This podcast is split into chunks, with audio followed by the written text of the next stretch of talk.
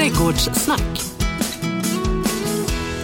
Då är vi tillbaka en liten trädgårdstäppa någonstans ute i vårt avlånga land. Annika Sjölin, Flyinge Planshop och mannen, myten, legenden, Magnolia-Magnus, Magnus Karlström, kärt barn har många namn. Välkommen tillbaka. Tack så mycket. Ja, eh, hur har eh, trädgårdsåret varit under detta pandemiår, Magnus? Ja, det har ju varit ett speciellt år. Det har varit eh, extra varmt på sommaren, men eh, jag tycker det har varit ett bra planteringsår och bra tillväxtår och nu när vi har fått lite väta här på slutet så börjar det riktigt rätta till sig. Du, alltså, jag har ju varit och frekventerat din bästa plats här på jorden, Magnoliaskogen ute i Alnarp. Herregud, alltså så många olika sorter där finns där ute. Du.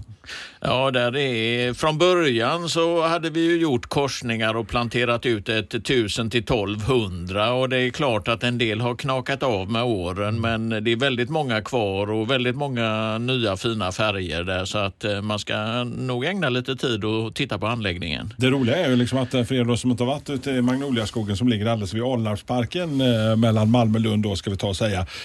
Alltså att där det blommar alltså i princip hela säsongen. Alltså det var jättelång tid alltså som det, det blommade Magnus.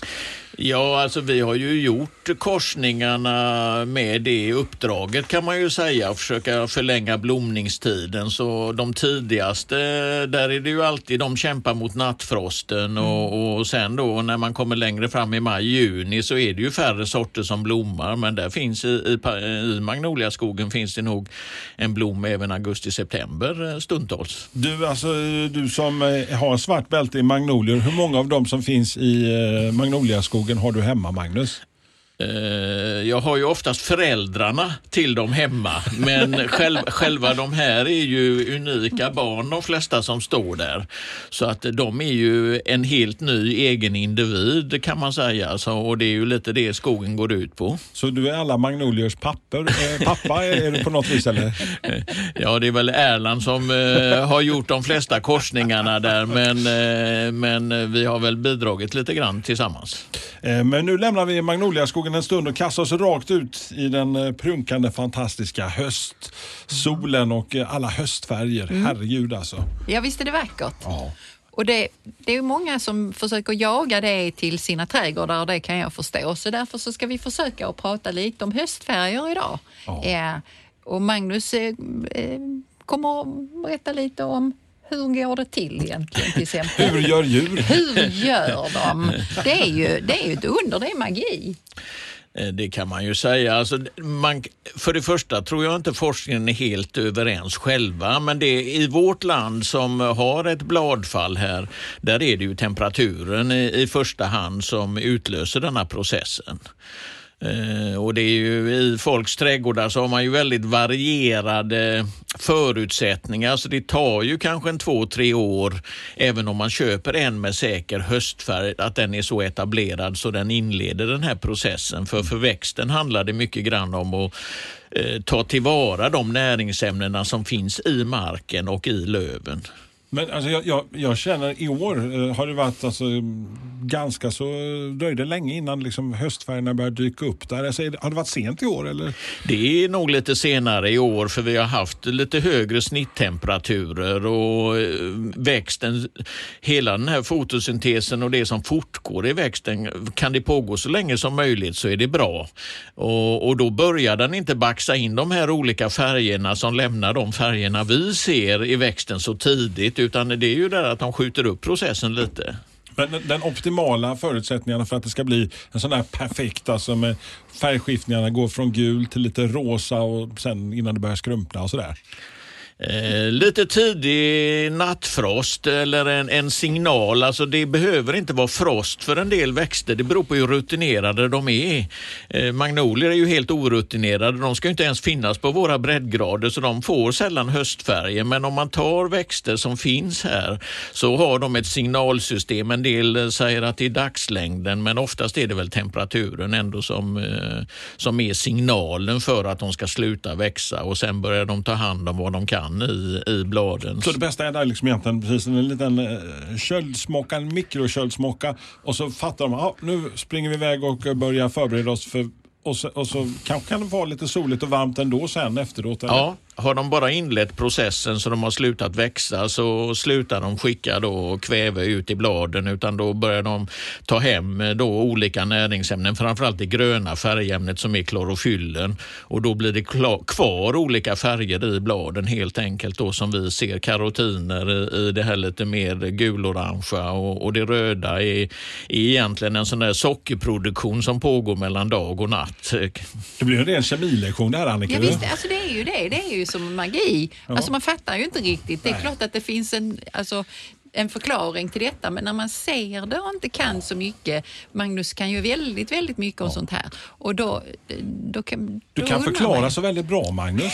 Ja, det är ju trevligt om det är så. Jag tittade på några rönnar här utanför och då ser man att man har mycket höstfärger i toppen på träden och längre ner har de inte det. Så man har ju olika förutsättningar och olika eh, olika viktighet när man, där man behöver baxa hem eh, då mm. ämnena som finns i växten. För det, det, är ju egentligen det det handlar om, att det kostar plantan rätt mycket att göra sig grön. Och det vill de gärna ta tillvara till nästa säsong då. Så det bästa är ju egentligen att ha välgödslade växter på rätt växtplats i lagom växt, vätskemängd och då, då sker processen helt eh, per automatik och ger det här färgspelet. Du skulle ju haft alltså ett barnprogram eller varit alltså lärare eller någonting. Alltså, du förklarar så jättebra så till och med en, en imbecill som jag förstår. Nej, men jag tror man måste se det som energi i hela växten och, och, där är det ju det här att det som kostar plantan mycket att tillverka det måste jag rädda till kommande säsong och det gör man då genom att kalla in det i en viss ordning. Mm. Och då lagrar man det in i grenar och in i, in i cellerna helt enkelt och så kan man använda det som en liten reserv till, till nästa säsong. Så att eh, det är ju smart Självklart är det. Så dåligt gödslade växter som vi ibland ser i offentliga anläggningar, det är ju en signal för att vi inte är rätt skötta svarta. Vi har kanske så tydligast i barrväxter och buxbom som blir väldigt gulorangea och det är ju helt enkelt att plantan är nervös för att kunna tillverka klorofyllet och då drar den in klorofyllet ändå längre in i grenarna för att spara det till kommande säsong och så är jag lysande orangeröd ungefär som en morot och då är det ju det där gödsla för, eh, för 17. Köp lite vanlig näring och ge mig för det är det jag behöver. Men tänker du då jag tänker ju att då borde man ju kanske inte gödsla nu eh, om mm. man tror liksom, oh, en planta har blivit gul, utan man ska vara väldigt bombsäker på att just den plantan behöver. För att förklara för folk att det är skillnad på det som händer naturligt, det vill säga att det blir gult för att det drar in näring och det ska invintra och de växterna som har stått sedan tre år tillbaka och lidit av svår svält. Så är det naturligtvis, mm. men man har ju en liten eh, det är ju en långsam process i växten. Så mm. tillför man helt vanlig kogödsel, kompost mm. på höstarna så ger man ju en liten boost som är så mm. lågt näringstekniskt men, men det håller mikrolivet i marken på gott humör. Men den här lite eh, energikicken då, den, den, den, får ju vänta till vårsidan. Ja. Slarvar vi med det tycker du? Alltså överlag, eller är det offentliga eh, odlingar och sånt du tänker på eller alltså vi som vanliga eh, privatpersoner? Jag är väl, väl, överraskad över att man inte avläser det själv. Ja. Om man jobbar med, med på en kyrkogård eller en park och någonting och, och, man ser att detta fortgår säsong för säsong så kanske man kunde prata om det. Att, eh, kan detta bero på någonting? Alltså var, varför är våra eh, barrväxter roströda på vintern? Det är ju bara för att det reflekterar solen mindre så plantan skyddar ju sig. Hade de kört ut det klorofyllet de har så de var gröna och det blir mycket frost så förbrukas ju den också. Så detta är ju en safety catch som de har och då kopplar in helt enkelt. De är kloka växterna. Mm. Vi ska också säga alltså för er som är nyfikna på det här, alltså vi har ju gjort det flera, så här, vi mm. hade ju förra gången eh, vi träffades Annika så var det ju avsnitt 100 ja. och nu är det avsnitt 101, bara det är ju fantastiskt. På väg mot 200. Mm. Eh, men vi har gjort eh, färg, ja. färggranna avsnitt Eh, exakt, tidigare. Ja, eh, för andra säsongen är det ett eh, avsnitt där Magnus också var med som heter Vem rodnar mest? Och det var inte så att vi satt och sa konstiga saker om varandra utan det handlade om höstfärger. Och sen har vi ett avsnitt i säsong fyra, också avsnitt 14, som handlar om det här med höstfärger. Så, så blir man lite nyfiken på detta så kanske det finns mer att hämta färggrannaste eh, trädet, busken eller så som du kan ha i trädgården om du nu ska ha en liten sån optimal färgchock under hösten, Magnus? Eh, där är ju faktiskt eh, väldigt många lojala växter som är hyfsat populära. Vi har lönnar, vi har eh, en sån hatobjekt som berberisen, väldigt säker i höstfärgerna. Vi har oxbären, vi har flera rönnar. Så att där är egentligen väldigt många. Det man får akta sig för är att, titta på utländska sidor för de relaterar ju till hur färgskalan är i de länderna. Och har vi inte samma förhållanden här så jag har ju själv varit där när man läste på Alnarp och man skulle ha vissa växter som alltid blev så fint höstfärgade mm. som papegojbusken till exempel. Mm. Mm. Och den är ju, ja den kan väl få höstfärg någon gång men eh, är inte riktigt anpassad efter våra breddgrader vilket gör att den fattar inte hur den ska göra så att eh, där blir inte upplevelsen lika bra. Men för just att säga lönnar, alltså det är något som alltid känns att där är det alltså ett säkert kort när det gäller höstfärger. Ja, och de finns ju som buskar och de finns som stora träd. Så har man både en större och mindre trädgård så är det ju ett användbart släkte. Så att jag tycker det är, det är liksom att, att ha någon Jinnala-lönn eller någon eh, japansk lönn eller eh, en större också. Det, det är ett trevligt inslag i höstfärgningen. Mm, mm poddtips från Podplay. I podden Något Kaiko garanterar östgötarna Brutti och jag, Davva, dig en stor dos skratt. Där följer jag pladask för köttätandet igen. Man är lite som en jävla vampyr. Man har fått lite blodsmak och då måste man ha mer.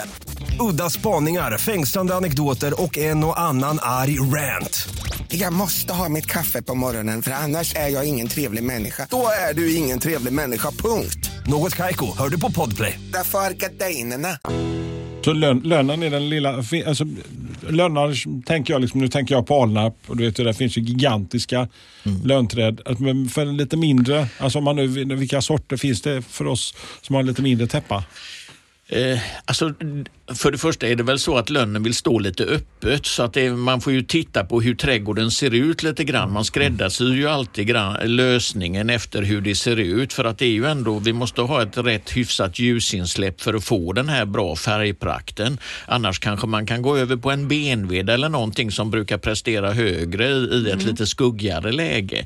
Så att det där är ju en, en skräddarsydd lösning kan man säga. För BMW uppför sig även om det är skuggigare. Ja, en annan det... sån eh, som jag tycker är väldigt trevlig även i lite skuggigare lägen, eh, en klättrare, rostvin. Eh, ja, just det. Hemma hos mig så uppför den sig även i skugga eh, numera, med några år på nacken som sagt. Va? Så vinväxt mm. överhuvudtaget eh, kan ha fina färger? Ja, och då är det väl igen det här, var kommer de ifrån? Mm. Ja, och hur uppför de sig och så.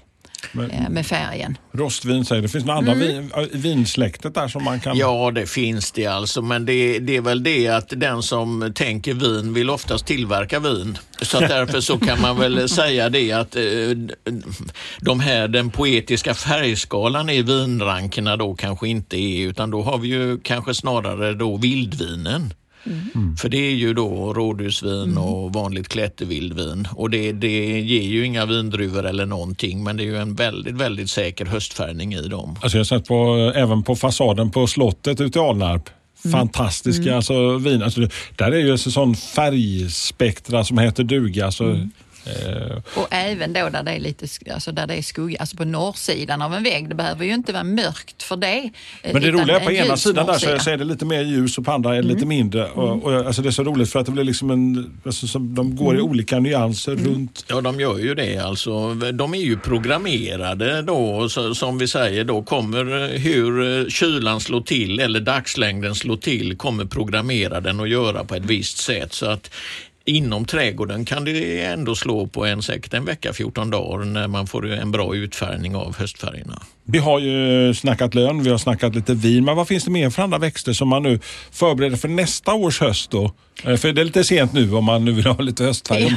Man får ja. gå och palla lite blad någonstans. Ja, det kan man ju göra. Men alltså, en sån buske som får plats i många trädgårdar som var mer poppis förr och som jag gärna pratar om, det är ju korneller med korallkornell. Alltså den får ju en höstfärgning som är väldigt röd och sen eh, sina röda grenar så att de piffar ju till på många ställen. Det, käpphästen då är ju beskärningen, att eh, för allt i världen beskär den busken lågt med jämna mellanrum så att den behåller sin röda färg. Ja. Men eh, där finns ju fler. Om man nu har alltså mer rhododendronstuk och tycker att det är lite trist, kanske så de japanska lönnarna självklart skulle kunna bo tillsammans med den typen av växter. Men eh, hybridtrollhassel till exempel. Eh, och den blommar tidigt på eh, Vad ger den för färg på höstkanten? Är, den, är det samma lite gul? Orangehållet. Okej. Så att det, Sen behöver ju inte höstfärgen bara vara röd. Utan det är ju många som har förföriska gula färger också. Det är väl det där att gult, eh, jag vet inte, där är många som tycker det är lite tråkigare på något sätt. Men, eh, men där är ju då som eh, ginkgoträden, det är ju en ja. fantastisk gulfärgning i dem och där vi har en hel del aplar som blir väldigt vackert gula. Så att, Men jag tycker det är kombinationen med alla de här, liksom, både det gula, det röda och sen då något som är lite senare fortfarande är grönt. Liksom, när man har hela den. Man kan bara stå, liksom, alltså jag kan stå och titta i timmatal liksom, på Och det är ju ett värde i växten i sig att den har en höstfärgning som eh, när man som kund kommer och tittar i plantskolan så å- brukar jag ju prata om det här med blommor. Att det är kanske inte den enda väsentliga detaljen utan det är ju ändå Nu så är du där att... igen, ja, nu Annika. är jag där igen. Men tänk om man eh, liksom listar sina växter, sina drömväxter då. När de får många poäng, bland annat höstfärgning då, förutom att de kanske har en vacker blomma, eh, ett vackert växtsätt och så. Då får de ju många fler poäng. Och det hade ju varit enklare om folk tänkte så kring växterna och inte bara faller för blomman. För då riskerar man ju igen att komma hem eh, med en växt som är snygg i blomningen men som inte tillför någonting mer. Och det finns ju så många fina Ja. som tillför även höstfärger och andra, andra kvaliteter. Så du ratar fortfarande de som bara ger blomning? Eh, ja. Det gör du överlag. Så. Magnus, hur är det med dig? Eh, Alltså blomning, fruktsättning är väl inte någon nackdel. Alltså det pratar vi om eh, fågelfoderväxter och bifoderväxter och den där så är det ju egentligen för, för allihopa. Så att eh, schyssta löv för igelkotten och eh, alltså det är ju mycket att väva in i det man, man Men handlar hade in. du, valt bort, hade du valt bort någonting som bara blommar, Magnus? Eh, nej, det har jag ju inte. Nej. Nej. Alltså, där, har alltså, där märker jag här liksom att... eh, ja, jag är hårdare. Ja. Ja. rigid där. Jag har större trädgård så jag har både och. Mm. Ja, men då har vi fått lite tips på några sköna växter. Men då undrar man, hösten är ju här med alla dess vedermödor, kyla och färgklickar. Men det kan också bli lite växtproblem. Och jag tänker, hur står det till i trädgården? Magnus, vanliga sjukdomar, grejer som kan dyka upp fram på höstkanten som vi ska vara lite extra vaksamma på. Eh, de med väldigt eh, tunga lerjordar kan få för mycket väta när, när vi får, vi har ju de här nederbördsmängderna har ju ändrat sig lite grann. Så att ser man att man har väldigt mycket stående vatten eller vattnet inte eh, kommer bort så snabbt så kanske man får tänka lite på att man ska gräva ut och dränera extra och sådana här saker. För att eh, för mycket väta över vintern är inte bra för växterna. Då, då eh, kan det gå rent åt skogen sen fram på... Ja, vinter. alltså där är inte så väldigt många växter vi har i våra trädgårdar som kan stå med dränkta rötter. Det är några få björkar och pilar och alar och, och sånt, men det är inte de folk köper för att ha i sin trädgård. Eh, och, och jag tror ju många tycker att eh, så mycket vatten som möjligt är bra, men allt har ju sina begränsningar. Ser man att det träcker undan rätt dåligt hos en så, så ska man nog fundera på hur man anlägger sina rabatter. Okej. Upphöjda, alltså att höja upp Mm. planteringar är ju ett sätt att få lite mer fall bort Mm. av vattnet. Så att eh, har man det besvärligt. Jordförbättring och göra så att det mulchar till det lite grann så att det blir lite så. Alltså men det- framförallt att bli av med vattnet. Ja, men det handlar ju om det att man kan tillföra vatten när det är för torrt. men du får inte bort det när det är för mycket. Och liksom, det är ju en grundregel. Det är ju som man har någon som vattnar krukväxter för en och det är fullt i krukan när man, ytterkrukan när man kommer hem. Det är inte speciellt bra för plantorna. Och det är ju samma utomhus egentligen, att hur får vi bort för mycket vatten? Så man bör ändå ha med det när man börjar från början. Oj, här har jag en väldigt... Andra ord, det är lättare att rädda någonting som håller på att torka in än att det är Ja. någonting som håller på att drunkna. Ja, det är därför jag har det så bra i min trädgård. Ökentorrt. Just det, du har dina, den lätta sandjorden som vi alltid brukar prata om. Ja, men det kan vara en fördel många gånger nu på hösten ju. Ja, när färgskiftning och sånt ser att de, mina plantor de, eh, de riskerar inte att drunkna och det kan jag ju vara glad för. Man får glädja sig åt det lilla.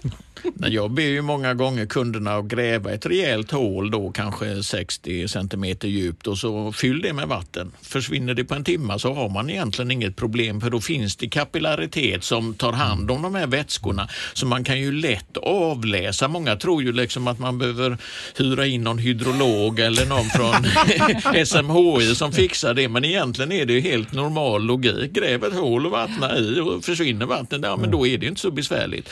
Men eh, är vi på de här packade lerjordarna som vi har på vissa ställen i, i Skåne så, så gäller det ju att vara något mer aggressiv i sin anläggning. Hur svårt kan det vara? men men eh, jag, säger, jag, jag bara undrar Annika, visste du, visste du att Ja, alltså nu har jag ju hittat någonting som jag tyckte var roligt igen. En artikel där man, jäm, eller vad ska man, säga, man liknar växter vid människor och jag gör ju ibland det. Alltså jag tänker på växter som torrisar till exempel eller primadonnor och så. Och så är det ju ganska fantastiskt igen att nu kan ju då eh, växter liknas vid oss eh, hur de funkar. Så det här med lukt till exempel och smak, då finns det liknande funktioner hos växter som gör att de kan känna alltså lukter och smaker. Typ så att om du är en ek nu och så Ja. blir du sjuk för att du får ett angrepp utav någonting. Då signalerar du och så jag som är en annan ek då, då kan jag liksom känna de signalerna som du nu har skickat och förbereda mig för samma typ utav angrepp som du är utsatt för. Alltså är det inte ganska genialt att växterna gör så? alltså de Det är kommunicerar? magi. Ja, jag tycker det. Oh. Ja, det, visste du det Magnus? Eh, nej, jag, jag har hört något liknande så att eh, visst. Pratar dina magnoliabuskar med, med varandra? Sånt? Eh, nej, men jag är ute och pratar med dem rätt mycket så för att trötta ut dem lite. Annika brukar ofta prata om att hon tar sin runda på morgonen Mm. och tar tandborsten och går ut i morgonrocken och säger hej och tjena och Mm. kollar hur ni mår och sådär. Gör du samma sak att du har din runda på morgonen eller kvällen eller så eller? Eh, jag, på kvällen oftare. Nej, men man kollar ju på sina kompisar som är där, liksom om de har presterat höstfärger eller om de bara ser eh, för arten och sorten normala ut som vi säger. Skäller du ut dem då om de inte har presterat eller? Eh, nej, men man kan ju tycka synd om dem att man själv har tillkortakommanden i näring eller vattentillförsel eller att man kanske skulle gjort någon beskärningsåtgärd. På en liten yta på fyra kvadratmeter Ja. så lyckas vi klämma in de mest makalösa grejer. Vad klämmer vi in idag Annika? Nu så låter vi det brinna, tänker jag på fyra kvadrat. Ja, Ja, säger du och ser glad ut. Tänder på som pyromanen sa. Ja. Nej, jag tänker en bra jord och så ett eh, soligt och väldränerat eh, läge då. Nu sätter vi in en kopparhäggmispel där. Ja, då är det en pjäs som kan bli ganska hög. Den kan, mm, alltså en hög buske, man kan stamma upp den om man vill. Alltså det här med att plocka bort grenar nerifrån efterhand som den växer och blir äldre. Eh, upp till zon 4. Den har ett vackert kopparfärgat bladutspring och sen så får den vacker höstfärg. Ja, tänk dig nu att vi har, nu har den stått där ett tag eller så sätter vi det samtidigt och köper vi ett större ex och sen så lyfter vi upp så att vi får bladverket till att vara lite högre. Eh, så att på den soliga sidan eh, av detta nu så sätter vi en sak som heter kryptuja som inte alls är en tuja. För de nu som genast säger när jag säger tuja, tycker jag inte om. Nej, den bara råkar heta så på eh, svenska då. Mikrobiota. Eh, upp till zon 5, eh, då får den en ganska mysko höstfärg och vinterfärg, alltså också åt det kopparaktiga hållet och det påbörjar den nu och så ser den lite skum ut. Den tycker jag är charmig bara därför att den inte är helt grön eh, utan någonting annat. mer som kommer nu på hösten då i färgning då. En björkspirea Ja, som faktiskt då är en spirea, en meter ungefär hög och får också en sån här varm kopparorange färg. För de som nu är, tycker att nej, i min trädgård får det inte förekomma spireor för den är så tråkig, så har vi nu ett alternativ och då skulle man kunna putta in för att få till lite mer kopprigt färg då, kopparstarr ett gräs som ligger sådär i knähöjd i höjd. Eh, istället då, så om vi har nu satt eh, en stycken kopparhäggmispel, två stycken kryptujor och en björkspirea, så är det täckt på de här fyra kvadratmeterna. Eh, om det är så att man nu inte vill ha den här eh, spirea tor, som är en björkspirea, så sätter man istället nio stycken kopparstarr. Då kan man ju gruppera det, antingen tre på tre olika ställen eller alla nio ihop. Så det gör man som man vill. Så nu kommer det vara väldigt fräckt. Det Hela en, säsongen. en färgklick. Man borde ju vilja ha en björkspirea. Det, Ja, visst borde man det. Alla vill ha Ja. det. Ja, Alltså Nej, det, det är- det, det är de. Mm. flesta ser ju inte att det är en spirea utan det är när man hör det svenska namnet Ja. i så fall. Ja, Hur många har verkar. du hemma? Ja, eh, nu, det är ju det De är som... många. ja, men de är användbara för de går i många lägen och de Ja. är lätta att forma och den här säkra fina höstfärgen och de runda vänliga bladen. Alltså den, den har så många positiva egenskaper som särskiljer den sig från andra spireer så att det är en höjdare.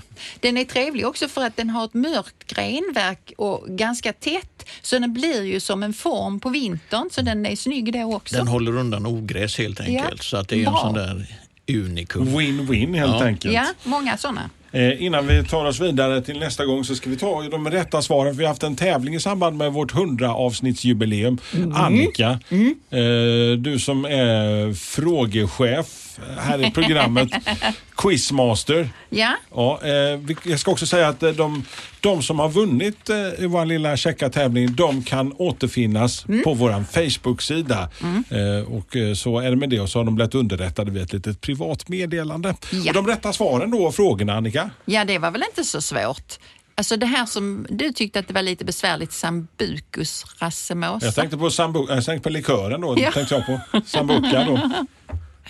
Den druv, druvfläder, den ska man ju absolut då inte göra någon saft på. Inte alls nyttigt. Och självklart så vet du ju svaret på fråga två om vem som vann pumpatävlingen. Ja, så det kan du om, det, om, det, om det tvistade lärda sig, det var, det var många att säga, som, som trodde att alltså, du hade planterat en, gett mig en dålig växt så att den skulle liksom...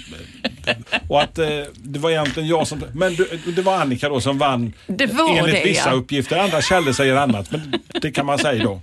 Ja. Och sen på fråga tre så var det ju den här eh, apelsläktingen då, professor Sprenger, Ja. som var svaret. Där har vi Så har professor vi det. Sprenger. Ja. Ja. Så det klarar ni av det och eh, hoppas att eh, ni får kul på ni som vann presentkort eh, och får ut och handla. Nästa gång vi ses Annika, vad, Mm. vad ska vi gräva fram då? Vi tar vackra vintervyer. Vi spär på det här med skönheten när man inte har någon blomning att skryta med. Men det finns andra kvaliteter. Härligt. Och så kallar vi in dig eh, till jultjänstgöring Magnus. Ja, vad bra. Ja, Ja, Jag, jag har en plan för dig. ja, härligt. Där ser man. Jag har en plan Sickan. Hörrni, det här är i varje fall Trädgårdssnack. Vill ni ha, ställa frågor och eh, göra glada tillrop så kan ni göra det via vår Facebook eller Instagram. Trädgårdssnack. Trädgårdssnack.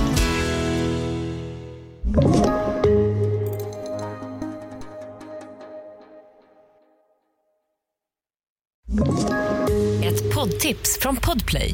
I fallen jag aldrig glömmer djupdyker Hasse Aro i arbetet bakom några av Sveriges mest uppseendeväckande brottsutredningar. Går vi in med hemlig telefonavlyssning och, och då upplever vi att vi får en total förändring av hans beteende. Vad är det som händer nu? Vem är det som läcker? Och så säger han att jag är kriminell, jag har varit kriminell i hela mitt liv men att mörda ett barn, där går min gräns. Nya säsongen av Fallen jag aldrig glömmer på Podplay.